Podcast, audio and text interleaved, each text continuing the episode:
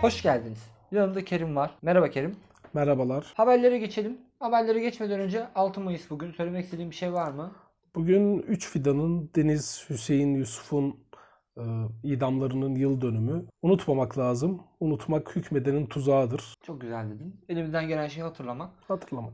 Şöyle önümdeki haberlere bakıyorum. Mevlüt Çavuşoğlu Türkiye'yi turist cenneti yapacağız dedi. Mayıs sonuna kadar bekleyin. E, Diğer haberimiz Süleyman Soylu'nun içki yasağı üzerine yaptığı haber. İçki sa- yasağının tamamen halkımızın sağlığını gözeterek yapılmış bir yasak olduğunu ısrarla belirtmiş. Kendisine çok teşekkür ediyoruz. Global haberlerden Dünya Sağlık Örgütü ucuz korku filmi çekmeye çalışıyor ama deneyimi yok gibi. Salgında işaret ettiği yer neresi ben anlamadım. Last Man on Earth mü? 28 ay sonra mı? I'm a Legend mı? Haberde şu. Salgında ilk 6 aydan daha çok vaka sayımız var. Dünyadan devam ediyoruz madem. Diğer haberimiz BioNTech dahil bazı ilaç şirketlerinin aşı patentlerinden feragat edilmesine yönelik girişim. Sanırım bu şundan dolayı popüler oldu. Normalde Trump karşıydı. Joe Biden Dünya Sağlık Örgütü'ne destek verdi bu konuda. Avrupa'da en başta karşıydı. Şu an Avrupa'da yeşil ışık yaktı duruma. O zaman ortada ilaç şirketleri kaldı birazcık. İlaç şirketleri kaldı. Onların da bazı makul yaklaşımları söz konusu bu durumda. Ama en de sonunda bildiğimiz üzere bu 1995 yılında imzalanmış olan bir anlaşmadan ileri geliyor. Anlaşmada halk sağlığını ilgilendiren durumlarda devletler patent haklarını aşabilecekler. Ona geçmeden yani onu daha ayrıntılı bir şekilde incelemeden önce de Kolombiya'da çok garip şeyler oluyor. Halk sokaklara döküldü. Ne düşünüyorsun? Ne diyorsun? Ne haberler ne? Haberler şu Kolombiya'da devletin e, gayri safi milli hasılanın %2'si kadar 6 milyar dolarlık bir e, ek bütçe yaratabilmek için koyduğu ek vergiler. Hükümet aynı zamanda bu vergilerin koronayla mücadeleye yönelik konulduğunu iddia ediyordu. İnsanlar bundan dolayı sokağa döküldü. 2 Mayıs'ta hükümet bu kararını geç, geri çekmesine rağmen olaylar orada dinmedi. Şu an çok e, şiddetli sokak gösterilerinin olduğu, şiddetin inanılmaz tırmandığı bir durumla karşı karşıyayız Kolombiya'da. Çok vahşi durumlar var yani. Tırnak içinde söylüyorum. Biz enayi miyiz o kadar vergi veriyoruz? Kolombiyalılar da versin kardeşim. Tırnağı kapattım. Neyse. Güney Amerika Amerika'yı istemiyor. Ya Maduro'da da böyle oldu. Şili'de de böyle oldu eylemlerde. İstemiyor bir şekilde. Yani Güney Amerika Amerika'nın arka bahçesi modunda ve bunun İkinci Dünya Savaşı'ndan beri sıkıntılarını çekiyor. Amerika'nın orada büyük hegemonik girişimleri söz konusu. Yani Şili'den tutalım Kolombiya'ya kadar. Orada Amerika'nın yoğun bir politikası var. Hatta Maduro örneğinde Amerika'nın açık açık Trump döneminde müdahale tehdidi söz konusuydu. Ve bazı yerde özel kuvvetlerden adam indirdiğini de biliyoruz. Ama Latin Amerika durumu ne yazık ki ülkemize çok yabancı. Sürekli Orta Doğu'daki Amerika oyunlarını konuşmaya alışık olmamıza rağmen Latin Amerika'daki Amerika oyunlarından bir haber olduğumuz için. Gerçi eskiden işçi filmlerinde Şili ile ilgili bir şeyler gösterirlerdi ama bunun da çok fazla bir background oluşturduğunu sanmıyorum bize. Ya tabii bir de o şey kalktı mesela şey şarkısı falan öyle. Venceremos işte Şili'de halk bugün savaşıyor. Ben çok seviyorum. Sen de çok Tabii seviyorsun. Allende döneminin Bence güzel. Bir de şeyle konuşmuştuk bir ara. Aslında bilmeyenler varsa sibernetik kelimesi ve işte sibernetik yapı ilk başta Şili, e, Şili'de ortaya çıkıyor.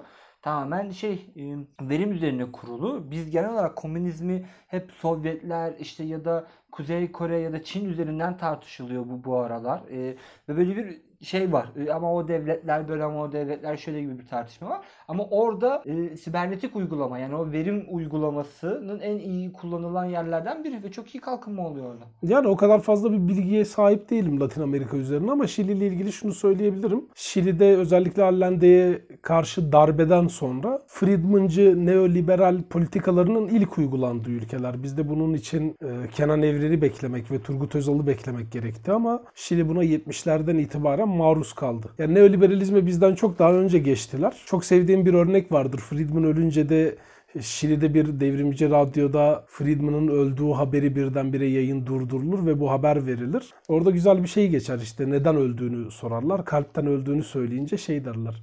O adamın bir kalbi olduğuna kim inanabilirdi deyip sonra eğlence şarkıları verip devam ederler radyo programına. Şili'de bununla ilgili bir sürü belgesel de var. Örneğin e, avokado ile ilgili çok güzel bir belgesel vardır bununla ilgili. Özellikle Meksika'da başlayıp Şili'ye kadar gelen Şili'de suların, e, yeraltı kaynaklarının, yeraltı sularının, yerüstü sularının özelleştirilmesi durumu söz konusu. Ve bu Şili'de normal bir çiftçinin, köylünün şu an tarım yapmasının mümkün olmadığı bir durumda. Ya bu arada Antalya'da avokado ekiliyor şu an. Antalya'da da ekiliyor. Antalya'da da benzer durumlar var. ya da Yemeyin çok Antalya'ya gerek yok. Yani avokado yemeyin. Avokado yememenin dışında daha büyük şeyler var yani. Devletin sondajı engellemesi durumu çok önemli bir durum. Bugün Türkiye'de sıkıntılı bir kuraklık durumuyla karşı karşıyayız. Ben kendi köyümden örnek verirsem bizim köyde bu sene buğdaylar kurudu. Kurumasının nedeni yani 500 kişilik nüfusun olduğu bir köyde 70-80 tane sondajın bulunması ve bunun yeraltı su kaynaklarını yok etmesi. Ya şöyle çok bilinen bir örnek vereyim ben de. Hem kendi memleketimden hem gördüğüm kadarıyla bizim orada da çeşme çok fazla vardır. Çeşme ve tulumba çok kullanılır. Çok sık kullanılır eskiden. Tulumbanın en fazla indiği derinlik 10-15 metredir bu arada. Tulumba çok derine inmez. Çeşmelerde kendiliğinden akar durdurulmaz yani onlarda. Onu ya akan suya ket vurmak çok saçmadır hatta yani. Hareketten beri. Ee, kalmadı işte yani sondajlarla kalmadı. Yani Peki bunun Latin Amerika ile ilgisi nedir İlmi? Latin Amerika ile ilgisi ne?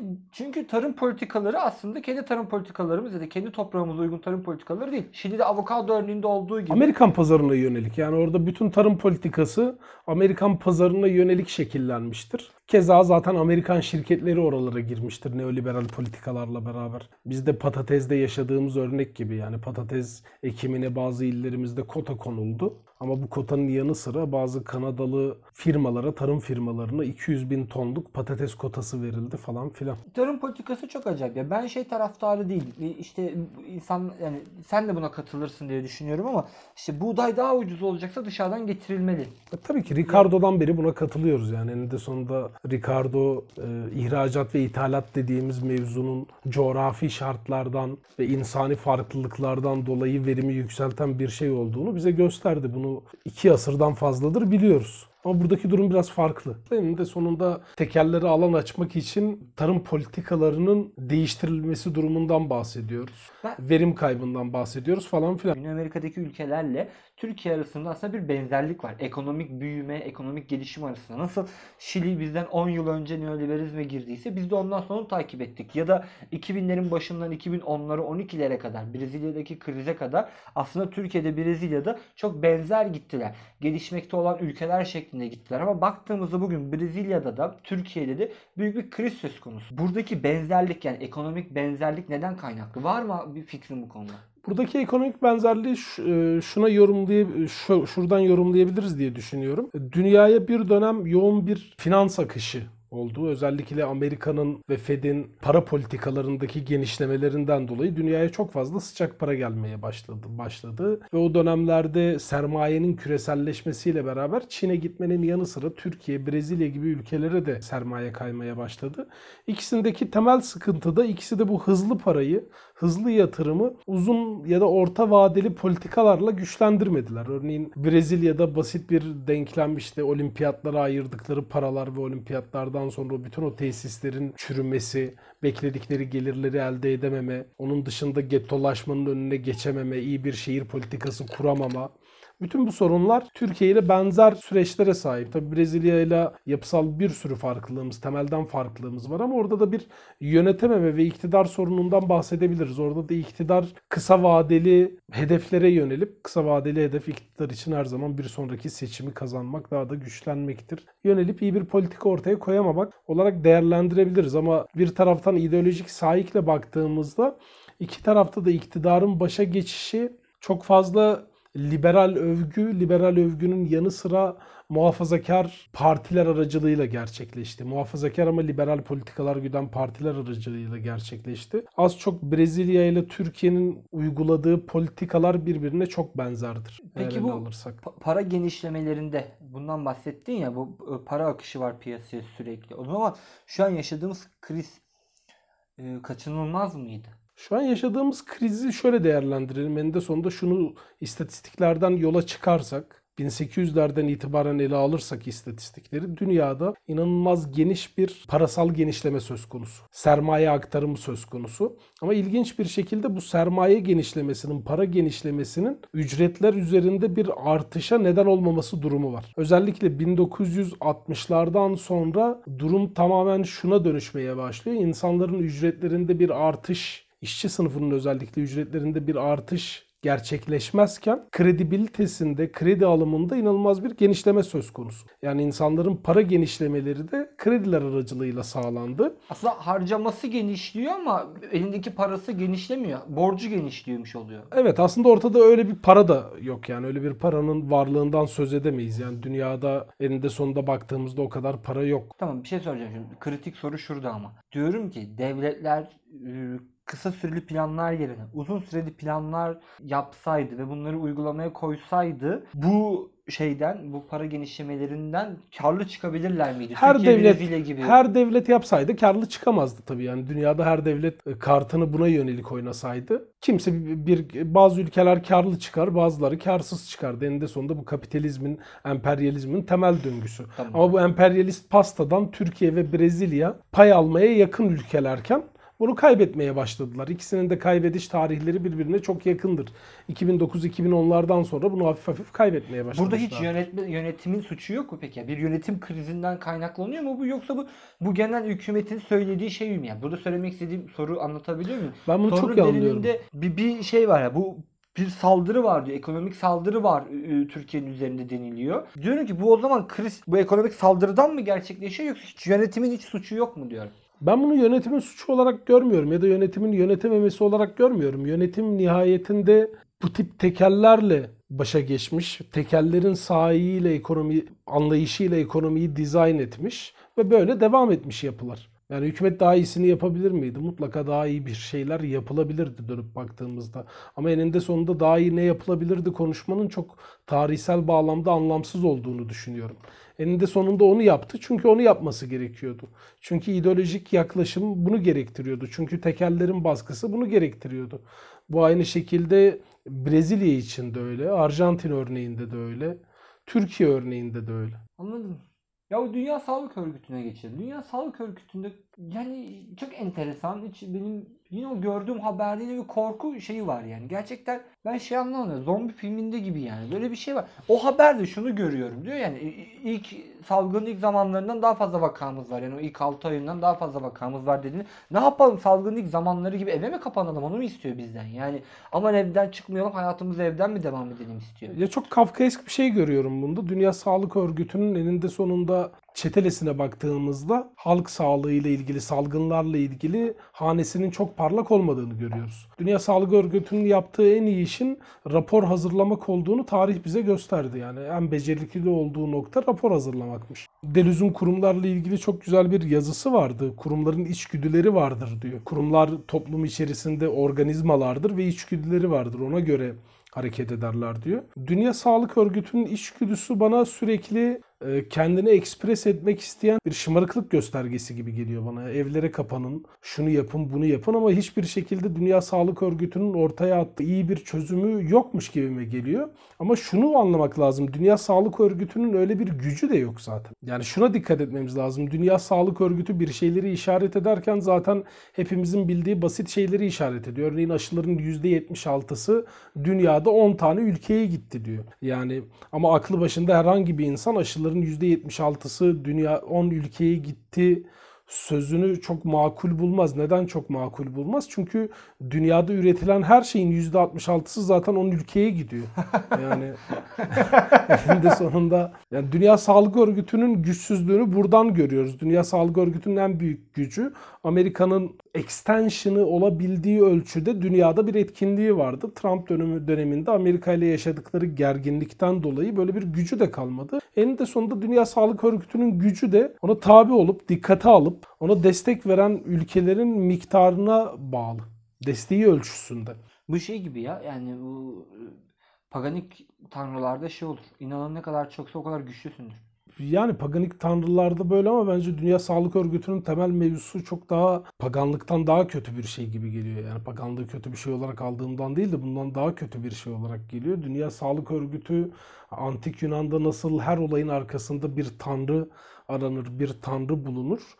Dünya Sağlık Örgütü de sokaktaki insanların her sıkıntının arkasındaki şahıs olduğunu işaretliyor. Yani sana bana her gün öyle sesleniyor yani. Sen sen çıkma sen dışarı. sen çıkma dışarıya. Sen, sen yapıyorsun. Bu Sonun insan- Hindistan gibi olur, o olur, bu olur. Yani sürekli böyle bir seslenişi var. Ama burada insanlarda vuku bulmuş o da öyle diyor. Çıkma dışarı. Sen senin yüzünden hastalık böyle oluyor. Çıkma İnsanlar da dışarı. öyle diyor. Çıkma diyor yani. Maske takmayan birini görünce suratını buruşturan insanlar görüyorsun. Saldıran insanlar görüyorsun. Ya bunu şeyden hiç farklı tutmuyorum. Yani Ramazan'da oruç tutmuyor ve sigara içiyor diye yumruk yiyenin ad- adamın yerine yakında işte maske takmıyor diye yumruk yiyen insanlar görebiliriz yani. Ya enteresan. Öyle Enteresan. gerek yok. Şey de acayip ama Dünya Sağlık Örgütü'nün yapmaya çalıştığı şey de aşılarla ilgili. O da çok enteresan bir nokta. Yani onun e, bir uzman olmadığım için bu noktada çok fazla bilmiyorum ama orada karşılıklı şu tip iddialar var. Örneğin Türkiye üzerinden konuşalım. Türkiye'yi e, Sinovac gibi etkisiz hale getirilmiş, etkinliğini kaybetmiş, öldürülmüş e, virüslerden oluşan eski tip dediğimiz aşıların dahi bugün eğer patent mevzusu olmadan üretilmesine başlamasının bir hayli zor olduğunu söyleyen uzmanlar var. Örneğin Türkiye'nin bu noktada bir yetersizliği var. Yani patentten bağımsız üretim koşullarına bağlı bir sıkıntı var. Pfizer'ın Pfizer gibi mRNA yöntemini kullanan aşılara baktığımızda zaten bu da çok daha fazla bir birikim ve altyapı istiyor. Yani örneğin Afrika ülkeleri ya da Türkiye, Orta Doğu ülkeleri bu patentten muaf olduklarında bunu ne kadar hızlı hayata geçirebilecekler bunu çok bilmiyorum. Eninde sonunda şirketlerin yaklaşımı da bu noktada. Bunun yerine e, kaynaklar bize gelsin, biz daha iyi üretim sağlarız. Yıl sonuna kadar 10 milyar doz aşı üreteceğiz falan diyorlar ama bugüne kadar bu ilaç şirketlerinin hiçbiri de sözlerini tutamadı.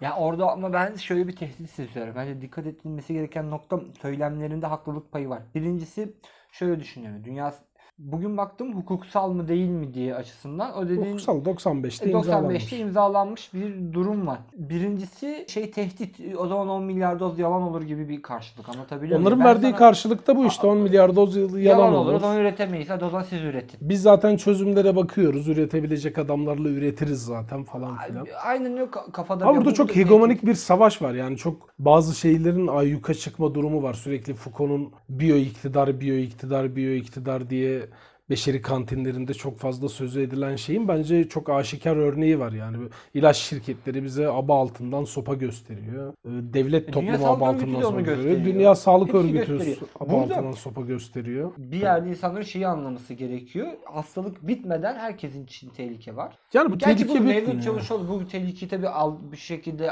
şey Turistler güvende ona çok Turistler seviniyorum. güvende. Turistler Yani güvende. öyle bir en son geliştirilen teknoloji o. Yani turistler güvende. Turistler güvende abi. Bak şeye Turist. çık- ona- Kiminle karşılaşacaksa Onlar hepsi aşılanacak. aşılı, sertifikalı olacak. Şöyle bir biz şimdi bunları konuşurken tabii e, açıklama gelmedi. Tahmin etmek çok zor değil. Ben dışarıdan gelenlerin bulaştırmaması gerektiğini söylüyorum gibi bir açıklama gelebilir burada. Büyük ihtimalle. Çok makul. Çünkü neden? Onlar o insanlarımıza bulaştırmasın, insanlarımız çalışabilsin diye. Onun daha kolay bir yolu var. Teste tabi tutmak. Test kaldırıldı. Yani en büyük haber o aslında yani. Dışarıdan gelen insanlar için e, test zorunluluğu kaldırıldı. Ya da Dikel'in ortaya çıkarttığı haberlerden biri. Hindistan'dan gelenler için Hindistan varyantından dolayı karantina var ama Pakistan'dan gelenler için yok. E, Bence daha temel bir aymazlığımız var burada. Yani böyle turizm dediğimiz şeyin temelinde bir aymazlık. Toplum olarak topluma bütün izimler unutuldu nasılsa. Bütün izler izimler unutuldu. Ama turun izmi karşımızda bir güç olarak durmaya devam etmekte. Yani tur denilen şeyin nasıl izmi olabilir bunu halen anlayabilmiş değilim ama karşımızda bilinmeyen bir mefhum olarak durmakta turizm. O zaman alkol yasakları ile ilgili Süleyman Soylu'nun yaptığı açıklamada da ne yalan söyleyeyim çok inandırıcı gelmiyor bana. Çünkü sağlıkla ilgili olsaydı sigara da yasaklanırdı. Bence ön yargılı yaklaşıyorsun ya. Süleyman Soylu'yu sempatik bulsaydım böyle bakmazdı.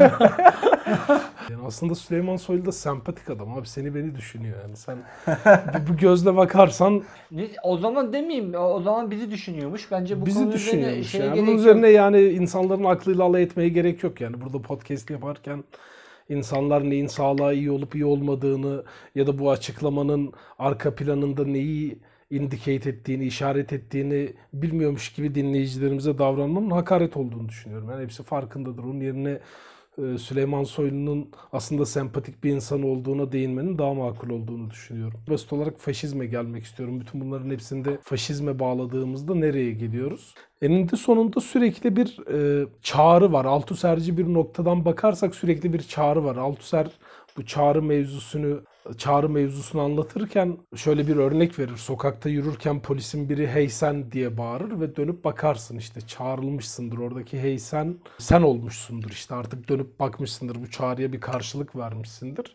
Yani bütün bu açıklamalara baktığımızda sürekli normal sokaktaki insanın normal vatandaşa bir çağrı var sürekli. Hey sen diyen bir çağrı var ve bu hey sen senin arkasından bitmek bilmeyen gelen mesajlar var. Ne var? Onun sağlığını düşünen bakanları var. Onun sağlığını düşünen sağlık örgütleri var. Aşı şirketleri Aşı var. şirketleri var. Onun sağlığını düşünen, ona e, inanılmaz rasyonel açıklamalar yapan ülkeler var. Sürekli bir çağrı durumu söz konusu. Bütün bunlar alışkın olduğumuz şeyler. Benim alışkın olmadığım şey, bundan sonra da sürekli değineceğim nokta bu. Sokaktaki adamın sokaktaki diğer adamı maske takmadığı ya da herhangi bir regülasyona uymadığı için sürekli çağırmasının yeni bir ideolojik aygıt aracı olduğunu düşünüyorum. Yani bu çağrıyı devam ettiren ve kurumların, yapıların bu çağrısını sürekli tekrar eden insanın da istem dışı bir şekilde o ideolojik aygıtın bir parçası haline getirdi, geldiğini düşünüyorum. Ve faşizmin tehlikeli bir noktasını burada görüyorum. Devletler alışkın olmadığımız şeyler değil ya da kurumlar alışkın olmadığımız şeyler değil. Eninde sonunda Türkiye'de daha kötü söylemler vardı yani. Karıştır barıştır gibisinden söylemlere de aşinaydık. Ama sokaktaki adamın bu tip söylemini özellikle sokaktaki bu kesimin üniversiteli ya da üniversite mezunu görece toplumun eğitim seviyesi yüksek kesiminden insan insanlar olması beni daha çok dehşete düşüren bir şey. Geçen bölümde de buna ben yani benim de bütün sıkıntım bu. Yani bu çağrı zaten var ve bütün amacımız bu çağrıyı bu, bu çağrının üzerimize yarattığı baskıyı sonlandırmak üzerine olmalı. Yani ki bununla da ne olabilir dediğimde aslında o, o sahiplenerek bu şey ya Tatar Ramazan hayır ben hayır ben vardı ya Tabii. yani. Aslında mevzu o. İşte bir de Kara Murat da var yani o ikisinin arasındaki farkı çözebilmek. Yani hayır ben hayır ben hayır ben kısmını anlatabiliyor. Çünkü orada bir birleşme var, bir kolektif yaşam var. Bugün Kolombiya'da bize örnek olması gereken şey o. Vergi yasası var ve hayır vermeyeceğiz diyor. O çağrı o onun çağrısı.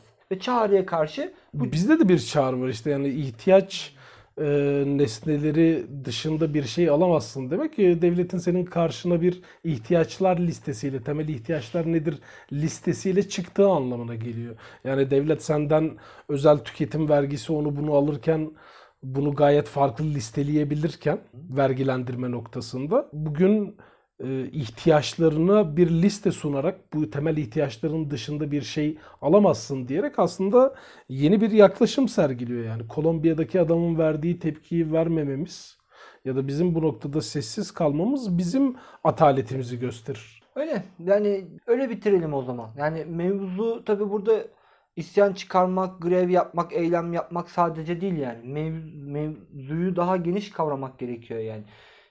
A- atalet durumu o çağrıya cevap vermemek. O çağrı karşısında ve o çağrının sözcüsü olmamak. En basitinden. Yani Kesinlikle. sözcüsü kesinlikle. olmamak gerekiyor. Kendinize iyi bakın. Kendinize iyi bakın. Bir dahaki program bir şey diye mi açsak ya? Size kötü haberlerimiz var. Ya kötü haberlerimiz yok ya. Bunların hepsi çok iyi haberler yani. Hiç kötü haber e, açmıyoruz da bunlar çok basit haberler, iyi haberler. Yani bence daha kötü haberler var ama bizim önünde sonunda vicdanımız bunu yani. Tamam zaman. Ben bir şey yapıyorum. Hadi arkadaşlar kendinize iyi bakın. Görüşmek üzere.